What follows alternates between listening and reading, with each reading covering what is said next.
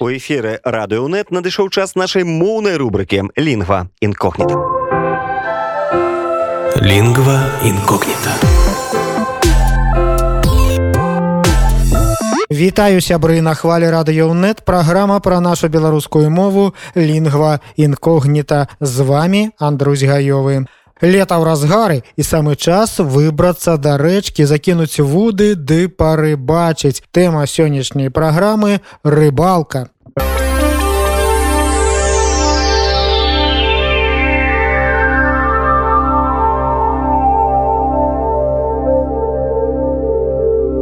Калі чалавек ідзе лавіць рыбу на раку возера ці сажалку то пра гэта яшчэ можна сказаць не толькі ісці на рыбалку але і просто ісці на рыбу. Рыбу можна лавіць альбо вудзіць. Крыху пра арыштунак які патрэбны на рыбалцы. Канешне асноўная прылада гэта вуда х зараз ёсць шмат з рознага матэрыялу і розных мадыфікацыяў. На вуду звычайна праз адмысловае мацаванне прымацоўваецца лёска, якая ўласна і цягне рыбу з вады. А заматваецца лёска на адмысловы механізм, які называецца шпуля. А на канцавую частку лёскі мацуецца плавок які мае плаваць зверху і даваць зразумець рыбаку што рыба бярэцца альбо торкаецца то бок хапае кручок з прынадай альбо бляшню якія разам з грузілам ці патапцом знаходзяцца на самым канцы лёскі.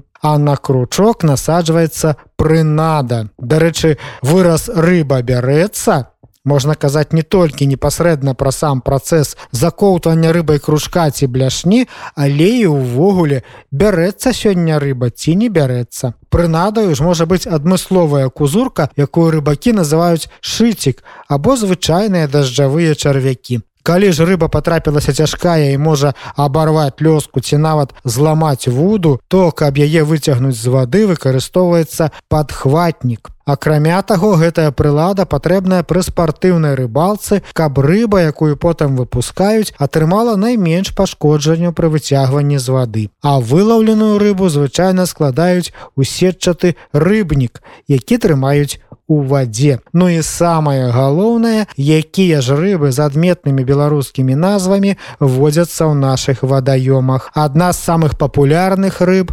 паласаты акунь. Не менш вядомы і зубаты шчупак. А ў дыялектных гаворках сустракаецца і назва шчука.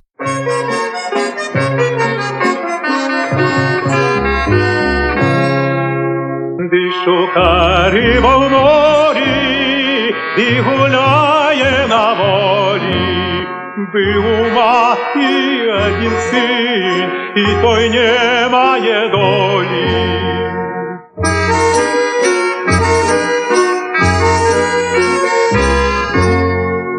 Ди вийшов за вороти, ди став як сирота, ніхто його не займає, бою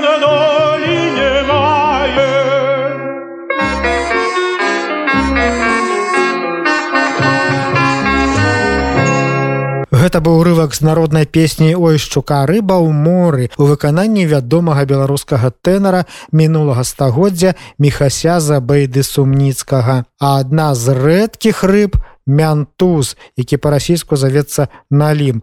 Гэта так званыя драпежныя рыбы якія ядуць іншых рыб альбо водных жывёлаў. Але ёсць і бяскрыўдныя рыбы якія харчуюцца раслінамі. Напрыклад маленькая рыбка пячкур альбо трошки большая срэбная верхаводка альбо чырванапёрая плотка ці слізкі ды круткі вугор. Пра чалавека які спрабуе выкруціцца з нейкай сітуацыі кажуць круціцца як вугор на патэльні. Ну альбо далікатная выкшталцоная шляхецкая рыбіна стронга. Карацей кажуць што рыбалка заспакойвае хаця гэта недакладна. Але ж калі вы збіраецеся на рыбалку то беларусы звычайна зычаць рыбна вам.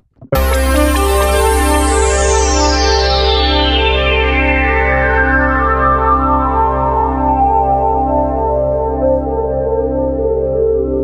А ў граматычнай частцы мы працягваем разбіраць марфалагічныя нормы беларускай мовы і памылкі, якія надараюцца ў гэтай сувязі. У папярэдніх праграмах мы разгледзелі марфалагічныя нормы датычна назоўніка, прыметніка і лічэбніка. Спасылкі на запісы гэтых перадачаў можна знайсці ў нашых сацыяльных сетках. А сёння мы пагаворым пра марфалагічныя нормы і магчымыя памылкі адносна займенніка і дзеяслова под уплывам расійскай мовы сустракаецца неправільнае ўжыванне асабовага займенніка ты і зваротнага займенніка сябе якія ва ўскосных склонах маюць розную аснову суплетывізм даць цябе замест даць табе адчуваць сабе дрэнна замест адчуваць сябе дрэнна У гэтым выпадку можна скарыстацца падказкай, падставіўшы на месца заменнікаў ты і сабе займеннік мяне мне. На месцы формы мяне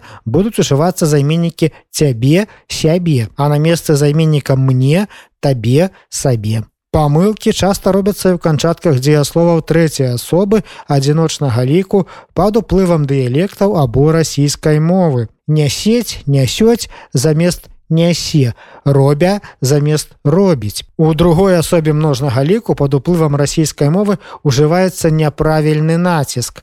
Нясеце або нясёце замест несяце ці несяцё ляжыце замест лежыце або лежыццё дарэчы абодва апошнія варыянты з націскамі на апошні склад слушныя. Часам узнікае блытаніны з утварэннем і ўжываннем трывальных формаў дзеяслова слізнуў з горкі замест слізгану з горкі. Цяпер мне спадабаецца вучыцца замест цяпер мне падабаецца вучыцца.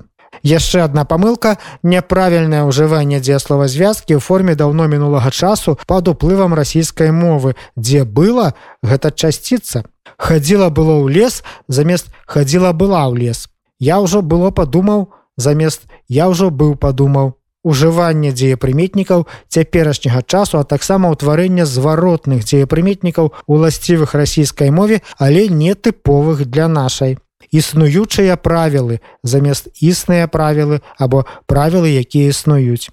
Смяючыйся хлопчык замест хлопчык які смяецца або просто вясёлы хлопчык. Аслабленнем нормы з'яўляецца таксама ўжыванне дзеепрыметнікаў прошлага часу наш уш якія ў мове нарматыўна выказваюцца формамі на л прамокшы замест прамоклы збялеўшы замест збялелы.